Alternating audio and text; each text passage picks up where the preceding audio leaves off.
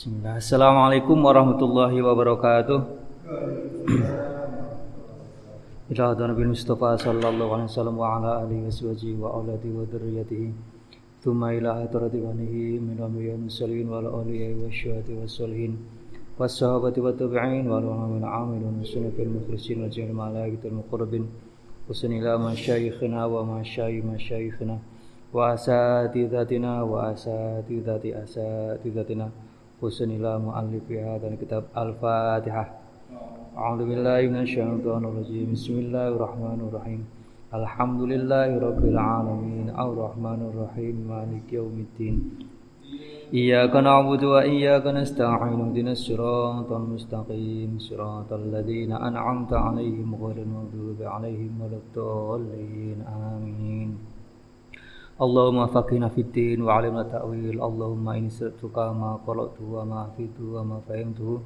Fardudhu ilayya anta hajat ilayhi ya Rabbi syrah li sadri wa yassir amri wa halul uqdatan min lisani yafqahu qawli. Amin ya rabbal alamin. Alhamdulillah kita bisa melanjutkan ngaji kitab Riyadhus Salihin Kita masih di bab babun fil mujahadah ya. Bab tentang bersungguh-sungguh bersungguh-sungguh dalam menjalankan amalan-amalan uh, yang bersifat agama ya. Menjalankan ibadah, menjalankan kebaikan-kebaikan. Kita lanjut di hadis yang berikutnya nih. Bismillahirrahmanirrahim. Al-ashiru. Al-ashiru utawi hadis kang nomor 10. Hadis yang ke-10 dari bab mujahadah. An Anasin saking sahabat Anas radhiyallahu muga-muga paring ridho. Sebab Allah Gusti Allah anhu saking Anas, saking sahabat Anas. An Rasulillah saking Gusti Rasul sallallahu alaihi wasallam. Qala isdawuh sapa Kanjeng Rasul? Yatba'u anut. Yatba'u anut. Mengikuti. Atau ngancani almaita ing wong kang mati opo salah satun telu perkara?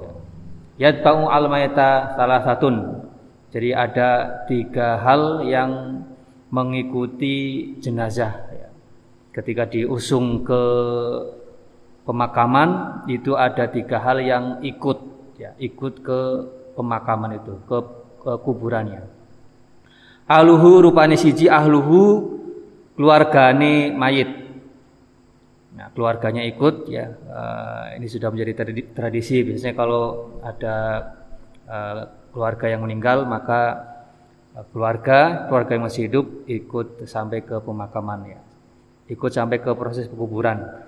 Nah, itu yang pertama. Jadi keluarga ikut e, mendampingi ikut dalam proses penguburan. Wa maluhu lan bondone. Wa maluhu lan bondone mayit. Ya, jadi e, harta. Harta ini maksudnya adalah hal-hal yang terkait dengan pengurusan jenazah gitu kan. Karena kan bagaimanapun orang meninggal juga pasti membutuhkan hal-hal uh, yang perlu dikeluarkan ya untuk pengurusannya itu ya. Wa maluhulan bondoni, wa amaluhulan amale mayit ya. Jadi ahluhu wa maluhu ini yang bersifat fisik yang yang kelihatan secara kasat mata wa amul, wa amaluhu wa amaluhu lan amale mayit ya. amalnya ini yang bersifat uh, non fisik yang bersifat spiritual ya. Fayarji'u mongko bali sapa ithnani loro dua di antara tiga hal tersebut wayapko lan keri sopo wahidun kang siji. Jadi tiga hal ikut ke e, pemakaman si mayit. Yang dua balik lagi cuma yang satu ikut ke kuburan si mayit. Yarji'u bali sopo ahluhu keluargane mayit wa maluhu lan bondone mayit. Jadi keluarga dan harta ini akan kembali tidak ikut maksudnya tidak ikut ke, ke pemakaman, ke proses selanjutnya, ke proses kehidupan berikutnya yaitu kehidupan akhirat. Jadi keluarga harta gitu ya dan hal-hal lain yang bersifat duniawi itu tidak akan ikut ya. Wayab kolan keri, wayab kolan keri opo amal, amaluhu amale mayit. Jadi cuma amal yang akan mengikuti kita ya ke alam akhirat ya. Jadi keluarga, anak, anak, istri, suami, saudara semuanya ya itu semuanya terputus ya ketika kita sudah meninggal.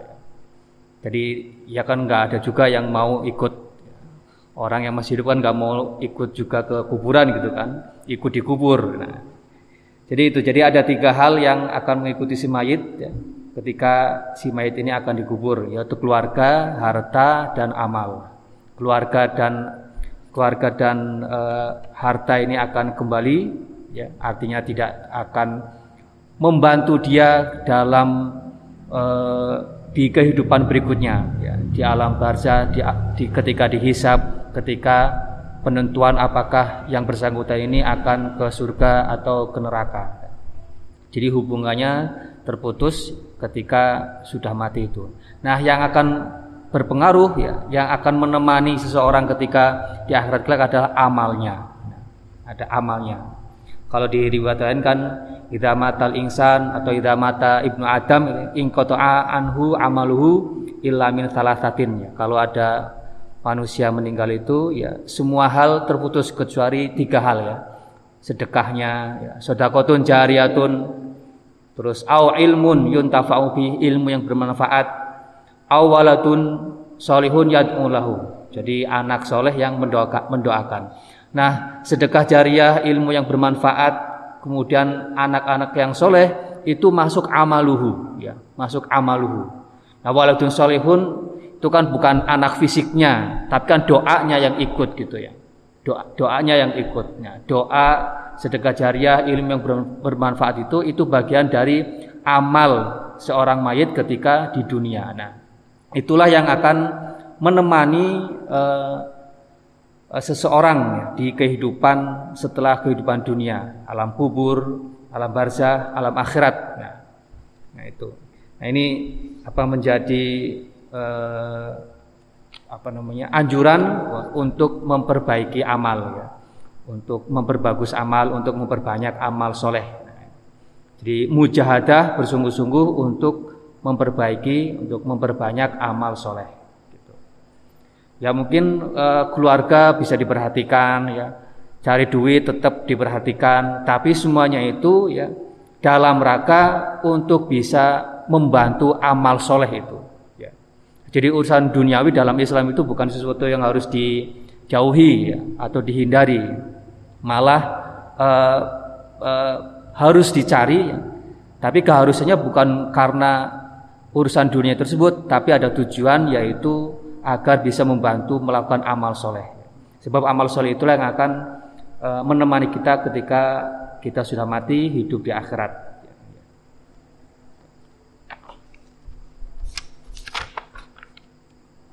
Al-hadi muttafaqun alaih, hadis muttafaqun alaih. Al-hadi asyara utawi hadis kang kaping 11.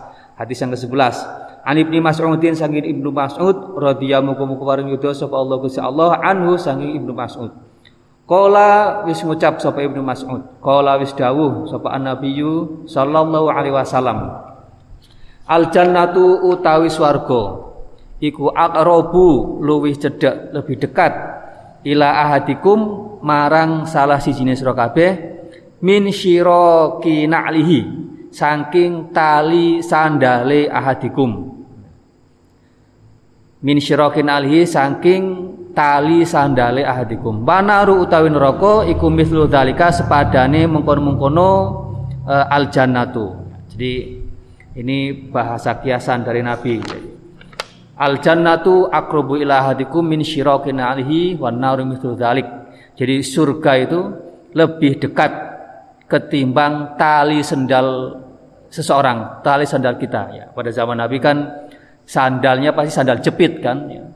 Pasti sandal jepit. Ya sandal sandal keseharian itu pasti jepit itu ya. E, nah, nah kata Nabi surga itu lebih dekat ketimbang tali sendal kita. Maksudnya apa? Bahwa untuk bisa mendapatkan surga itu bisa dari hal-hal yang dianggap sepele. Sandal jepit kan urusan keseharian kan. Mungkin saking uh, saking kita uh, apa namanya setiap hari berurusan dengan sandal sampai mungkin nggak dianggap sebagai sesuatu yang penting ya. Pakai ya pakai aja ya. Nggak dianggap kemudian sandal itu sebagai sesuatu yang istimewa karena sudah menjadi keseharian kita gitu ya. Tuh, jadi surga itu lebih dekat daripada tali sendal ya. Maksudnya bahwa Eh, hal-hal uh, yang mungkin kita anggap sepele justru itu yang bisa menolong kita, membantu kita untuk masuk ke surga. Begitu juga dengan neraka. Wan naru dalik. Ya. Neraka juga seperti itu ya. Jadi hal-hal yang mungkin kita anggap sepele ya, keburukan-keburukan, kejelekan-kejelekan yang mungkin kita anggap sepele justru itu yang akan mengantarkan kita yang menjerumuskan kita ke neraka. Artinya bahwa kita jangan sampai menyepelekan ya kebaikan sekecil apa pun.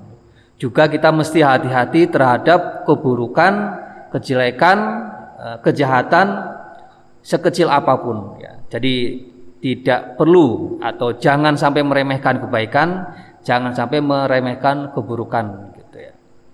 ya akrobu al jannatu akrobu ila hadikum min syiraki na'lihi wan naru mithlu dzalik. Ya. Rawawis rawatake hu ing hadis sapa Al Bukhari Imam Bukhari. Kalau kan ada ar, apa, e, tulisan MH Ainun Najib ya Cak Nun.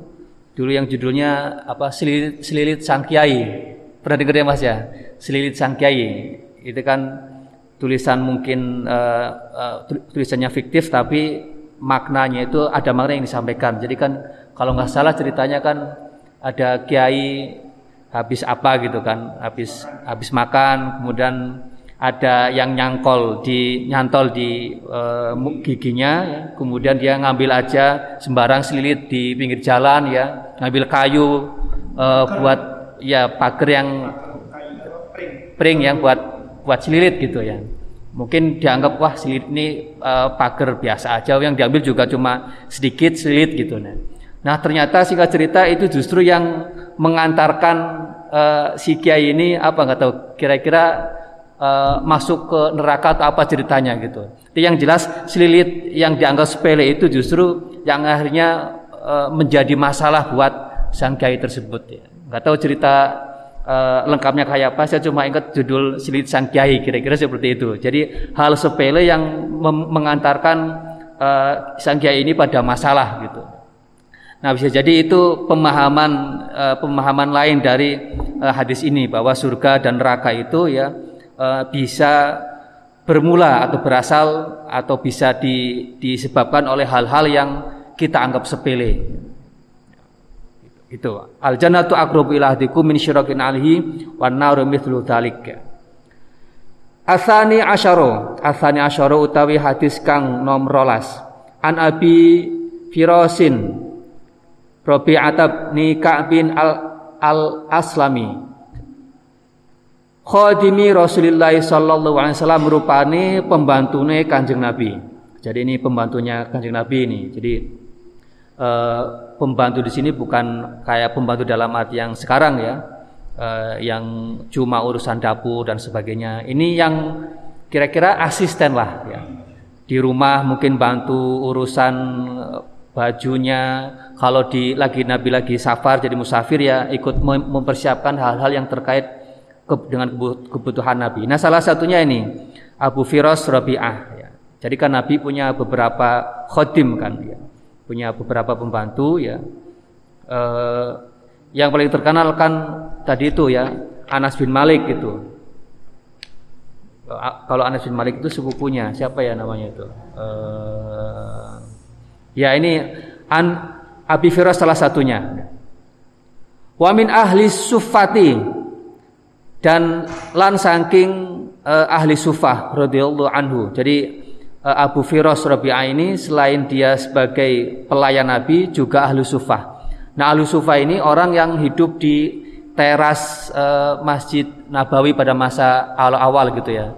Jadi orang-orang yang hidupnya uh, di teras karena dia nggak punya rumah, nggak punya tempat tinggal uh, milik dia sendiri, akhirnya dia tinggal di teras ya. Jadi kesehariannya di situ. Nah ini ada ada banyak orang yang seperti ini. Ini kan di Madinah. Uh, terutama ini para sahabat Nabi yang uh, dari Mekah kan. Jadi ketika hijrah dari Mekah ke Madinah kan uh, para sahabat meninggalkan semua yang yang dia miliki kan. Terutama yang mungkin tidak bisa dibawa untuk perjalanan jauh dari Mekah ke Madinah. Jadi semuanya ditinggal, termasuk mungkin harta, kekayaan dan sebagainya. Nah, para sahabat yang mungkin punya jiwa uh, bisnis ya, ya ketika di Madinah dia melanjutkan profesinya gitu ya. Yang mungkin berdagang, ya bagaimana uh, caranya cari cara agar bisa bisa dagang. Uh, yang punya profesi mungkin sebagai apa petani gitu ya, yang mungkin berusaha nyari uh, cara agar bisa melanjutkan pekerjaannya. Tapi ada juga para sahabat yang uh, ketika mungkin di Mekahnya juga jadi orang miskin gitu ya. Jadi orang miskin ketika ke Madinah ya mungkin tetap jadi orang miskin. Ya.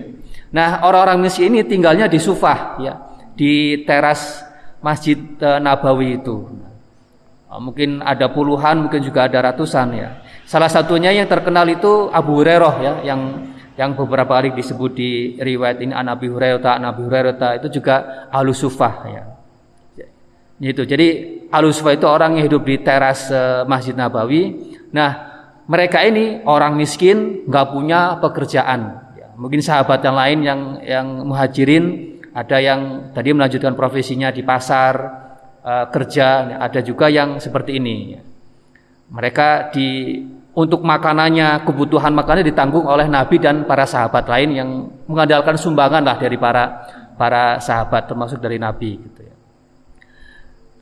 Nah, mereka ini uh, walaupun nganggur gitu ya, nggak nggak dicela oleh Nabi, karena mereka juga kadang-kadang bisa dibutuhkan ya, bisa menjadi salah satu pasukan cadangan, terutama ketika perang gitu ya. Uh, kan sudah Nabi sudah punya pasukan gitu kan, sudah membentuk pasukan. Nah, ketika ada pasukan yang yang diperlukan, tambahan yang diperlukan, maka alusufanya akan ikut gitu.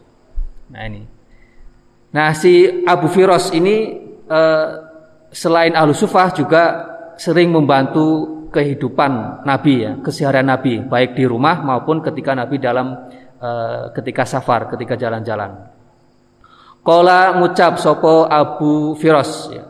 Kuntu ono sopo ingsun. Iku abi itu nginep sopo ingsun ma'a Rasulullah ma'a Rasulillahi sartanai Gusti Rasulullah sallallahu alaihi wasallam faati mongko faati mongko nekaake memberikan sapa ingsun hi ing Rasulullah bi ihi kelawan banyu wudune Rasulullah. Jadi Abu Firas ini ya pelayan Nabi suatu saat dia ikut nginep ya, tinggal di rumah Nabi.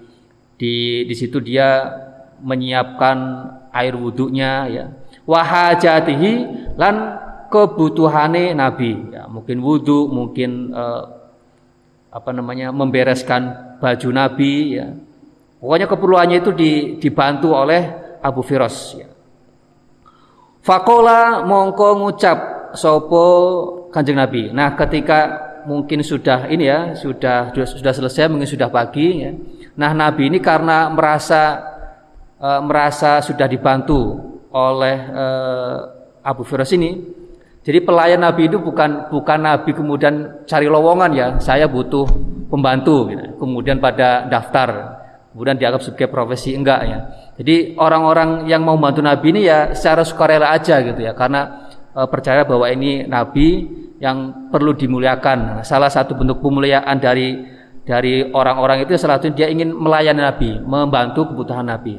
Nah, ketika karena Nabi merasa sudah dibantu oleh Abu Firas ini, Ketika mungkin sudah selesai, Nabi ini uh, nawarin ke Abu Firas. Sal, fakola moko ngucap sapa Nabi sal. Jaluk wasiro ni ingsun. Sudah Abu Firas, kamu sudah bantu saya, sekarang kamu mau minta apa?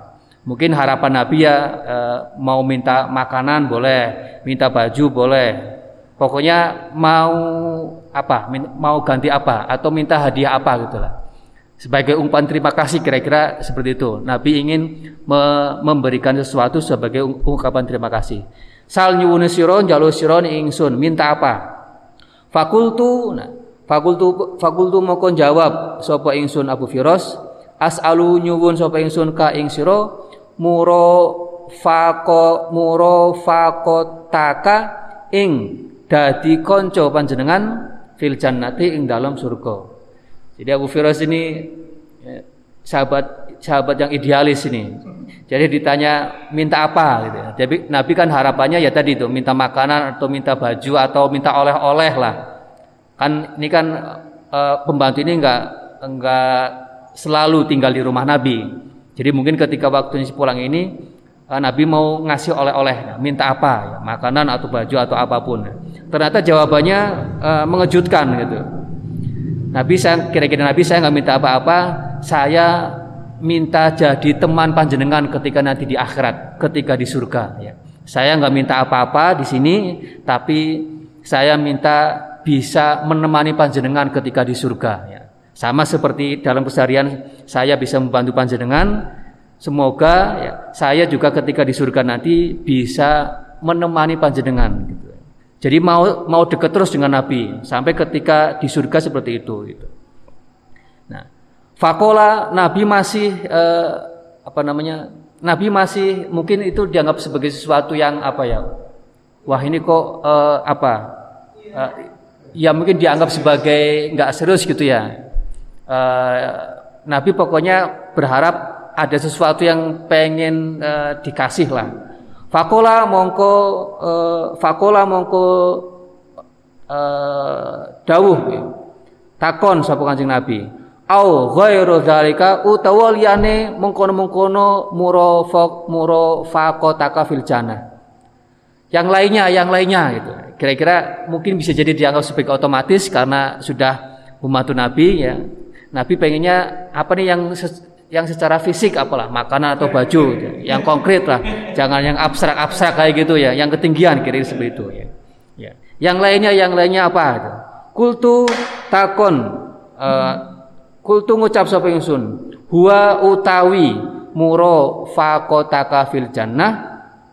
Atau penyuwun ingsun iku zaka mengkono-mengkono ghairu dzalik.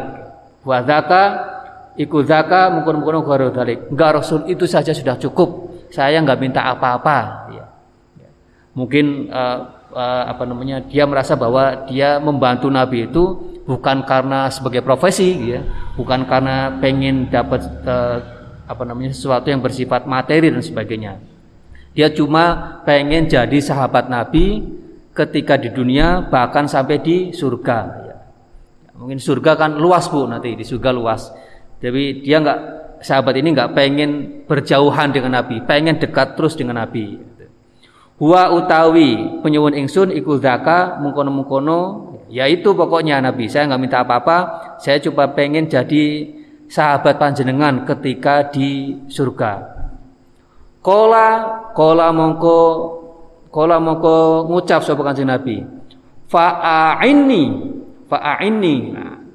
Fa'aini mongko nulungono.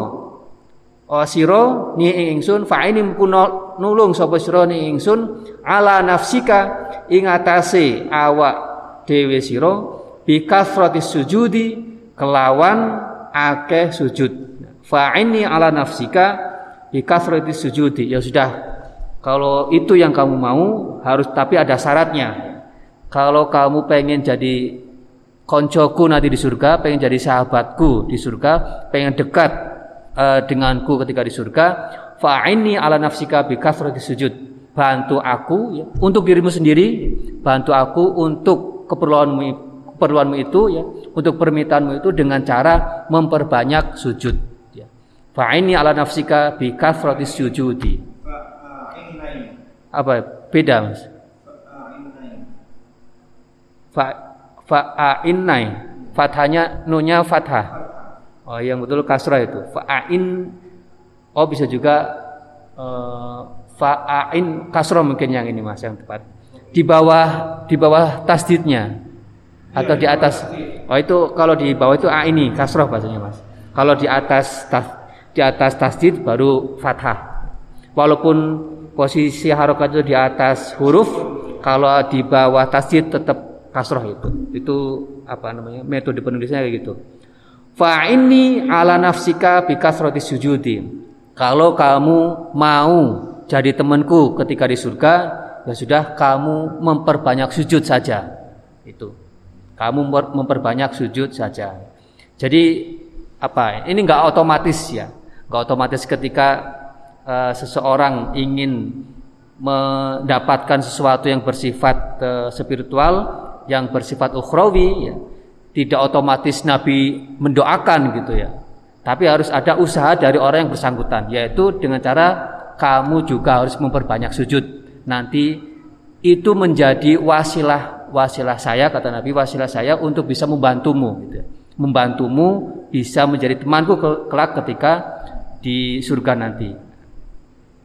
Nah, untung untung jawabannya itu ya fa'ini ala nafsika bikasrati sujudi. Kalau mungkin jawabannya yang lain gitu ya. Uh, mungkin kita nggak kebagian Untungnya jawaban Nabi fa'ini ala nafsika bikasrati sujudi. Bantu aku dengan cara memperbanyak sujud. Nah, memperbanyak sujud ini kan bisa dilakukan oleh semua orang kan, bukan oleh Abu Firas saja, ya. Abu Firas Rabi'ah saja ya. Tapi semua orang yang memperbanyak sujud itu punya peluang untuk menjadi teman Nabi. Jadi kalau kita nanti banyak sujud juga nanti kita bakal ketemu Abu Firas Bu. Nah, Abu Firas mungkin juga e, pastinya kan mempraktekkan kan ya karena sudah disuruh Nabi dia pasti juga mempraktekkan dan kemungkinan besar ya di surga kelak akan uh, menjadi konconya atau sahabatnya kanjeng Nabi. Nah kalau kita mau mengikuti jejak Abu Firas ya mungkin kelak kita akan ketemu Abu Firas juga nih bersama Nabi gitu ya. Fa'ini ala nafsika bi kasratis sujudi. Nah, sujud di sini ya uh, bisa diartikan bukan sujud sujud saja ya, tapi juga sholat ya tapi juga sholat. Sebab sholat e, sholat itu kan yang apa namanya yang yang apa yang besar kelihatannya gitu kan. Dari sholat itu kan sujud. Sebab ketika sujud posisi sujud itu kan posisi paling rendah seseorang ya.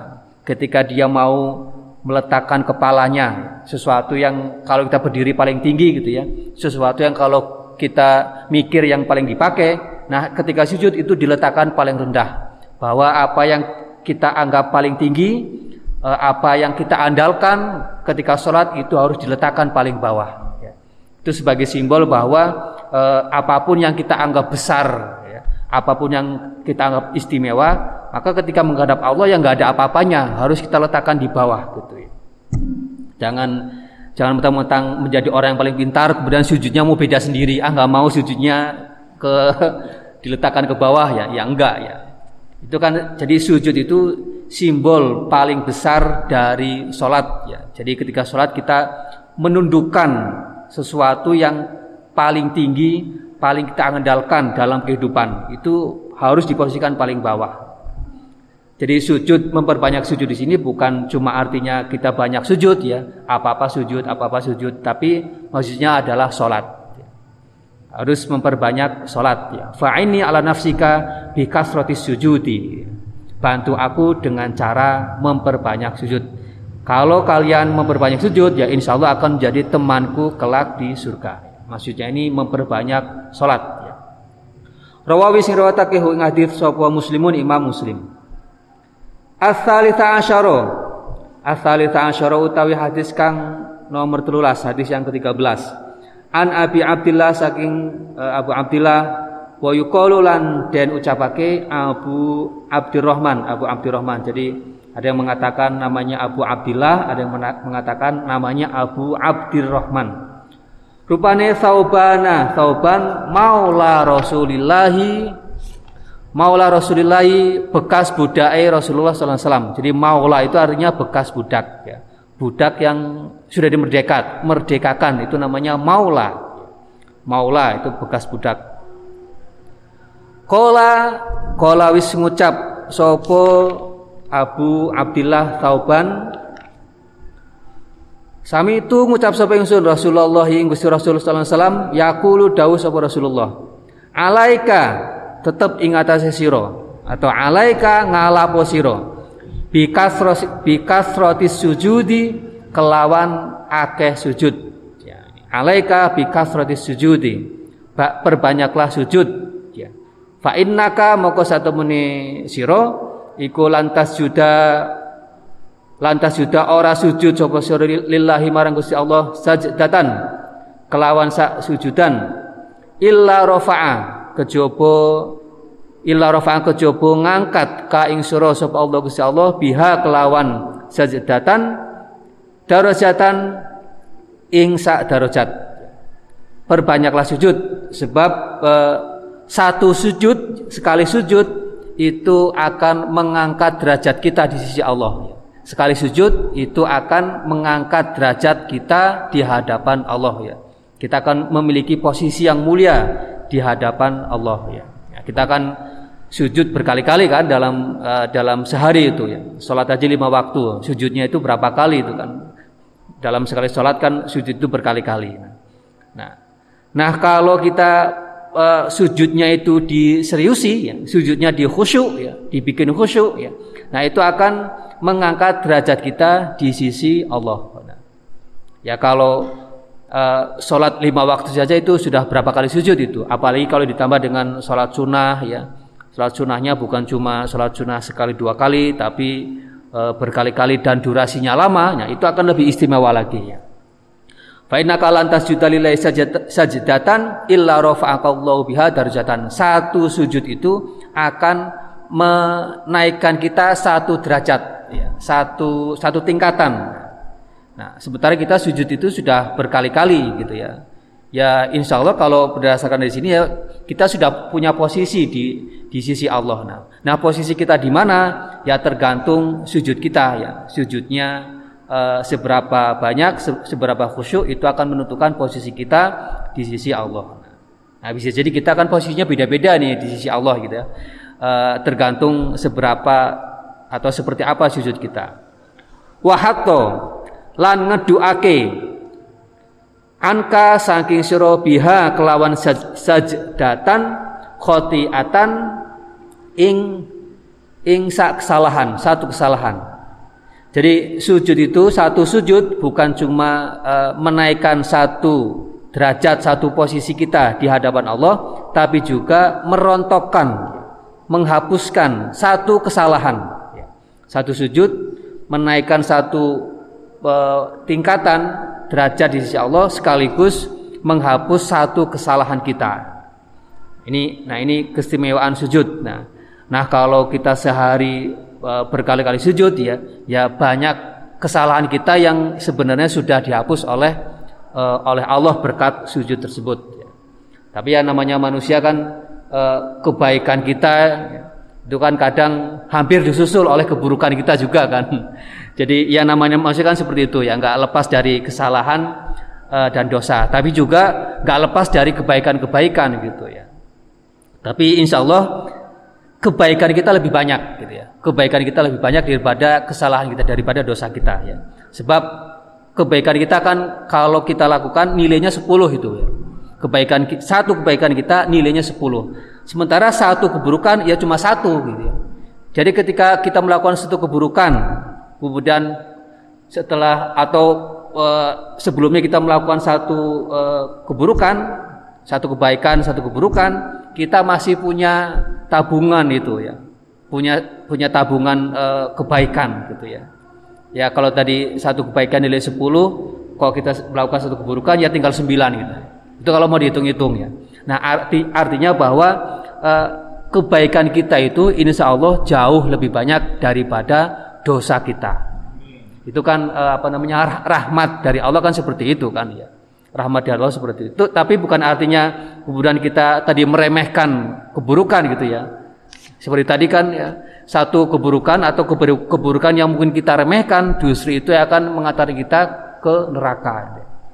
Jadi logika Nabi ini eh, kadang uh, memudahkan kita ya memanjakan kita, tapi juga kadang bisa menjebak kalau kita tidak bisa memahami secara secara penuh ajaran Nabi. Nah, kalau ini kan tadi, nah gampangannya bahwa kita ini lebih banyak ke, kebaikannya dibanding keburukan kita dibanding dosanya. Pahala kita lebih banyak daripada mungkin dosa kita. Tapi di di hadis yang sebelumnya bahwa saat keburukan yang kita remehkan itu justru kadang yang mengantarkan kita ke ke neraka gitu ya apa keburukan yang mungkin kita nggak anggap justru itu yang akan menjatuhkan kita ke neraka. Makanya ngaji hadis, ngaji uh, Islam, belajar Islam itu memang harus harus komprehensif, ya, harus lengkap ya. Karena uh, pemahamannya itu akan saling melengkapi ya, saling mungkin kadang saling menafsiri dan sebagainya gitu ya. Jadi kalau kita cuma memahami satu hadis saja bisa jadi itu akan menjebak pemahaman kita gitu ya. Iya.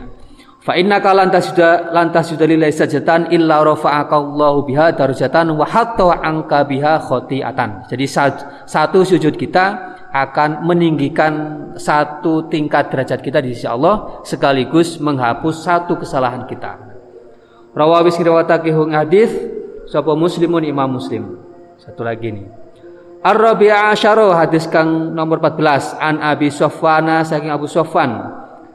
Abdullah ibni Busrin al Aslami radhiyallahu muga paring itu sapa Allah anhu sang Abu Sofwan. Qala wis ngucap sapa Abu Sofwan. Qala wis dawuh sapa Rasulullah sallallahu alaihi wasallam. Ini hadis terkenal nih. Khairun nasi man umruhu wa hasuna amaluhu khairun nasi utawi paling bagus-bagusnya menungso iku man wong tola kang dawa. Apa umruhu umuruhu umure man umure wong wahasunalan bagus. Apa amul amaluhu amale wong. Khairun nasi mantola umuruhu wahasuna amaluhu. Orang paling baik manusia paling baik adalah orang yang panjang umur tapi amalnya ba bagus ya jadi itu eh, manusia paling baik orang paling baik adalah orang yang umurnya panjang tetapi sekaligus amalnya bagus gitu. Jadi kuncinya itu bukan di panjang umurnya, Bu ya. Kuncinya itu di amalnya. Kuncinya itu di amalnya. Ya. Imam Nawawi ini yang yang yang nyusun kitab uh, apa yang nyusun kitab uh, Riyadhus ini itu umurnya cuma 45 tahun. Umurnya 45 tahun dan gak nikah ya. Imam Nawawi yang nyusun kitab ini ya, itu umurnya cuma 45 tahun dan gak nikah ya. Tetapi ya, karya tulisnya itu sampai berjilid-jilid. Ada namanya kitab Majmu uh, syarah syarah muhadzab itu. Itu sampai 20 lebih itu jilidnya. Ya. 20 lebih.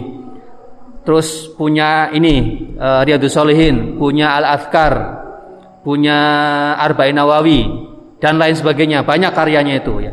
Jadi kalau dihitung-hitung karyanya itu ya mungkin jauh lebih banyak dibanding uh, waktu untuk nulis ya. waktu untuk nulisnya kira-kira seperti itu umurnya cuma 45 tahun tapi karyanya sangat banyak nah Imam Nawawi ini bisa jadi gitu ya manfaatnya jauh lebih banyak dirasakan ketika beliau sudah wafat ketika sudah wafat. Ya mungkin dibayangkan ketika nulis kitab eh, uh, 20 jilid gitu kan. Mungkin nggak langsung bisa tersebar karyanya ketika beliau masih hidup kan. Justru tersebar banyak dibaca ketika beliau sudah meninggal sudah wafat. Termasuk kitab-kitab yang lainnya itu. Nah Imam Nawawi ya, kalau masuk hadis ini kan nggak masuk ini kan. Umurnya pendek tapi wahasuna amaluhu. Amal yang bagus tapi umurnya pendek. Maka patokannya itu bukan umur panjang atau umur pendek tapi wahasuna amaluhu amalnya yang bagus nah, uh, umur boleh pendek tapi kalau hasuna amaluhu ya ya masuk bagian dari orang yang uh, paling baik, paling baik. Tapi kalau bisa ya, kalau uh, umur pendek amal bagus ya, itu ya kalau bisa ya umur panjang amalnya juga bagus ya. Jadi orang yang uh, umurnya panjang amalnya bagus itu lebih baik daripada orang yang umurnya pendek amalnya bagus. Gitu. Orang yang uh, umurnya panjang, amalnya nggak bagus, itu tidak lebih baik daripada orang yang umurnya pendek tapi amalnya bagus. Jadi yang patokannya itu bagusnya itu, bagus amalnya, bukan panjang atau pendek uh, umur itu. Kalau kita bisa umur, berumur panjang dan bisa uh, melakukan amal bagus panjang hidup, ya, yaitu lebih bagus ya, masuk dalam kategori khairun nasi ya orang yang paling bagus khairun nasi mantola umuruhu wahasuna amaluhu. Orang yang paling baik itu paling bagus itu orang yang umurnya panjang dan amalnya bagus gitu. Rawais ngriwayatake ing hadis sapa Tirmizi Imam Tirmizi wa qala lan wis uh, ngucap sapa Tirmizi iku hadithun hadis hasanun hadis hasan ya. Wa Wassalamualaikum warahmatullahi wabarakatuh.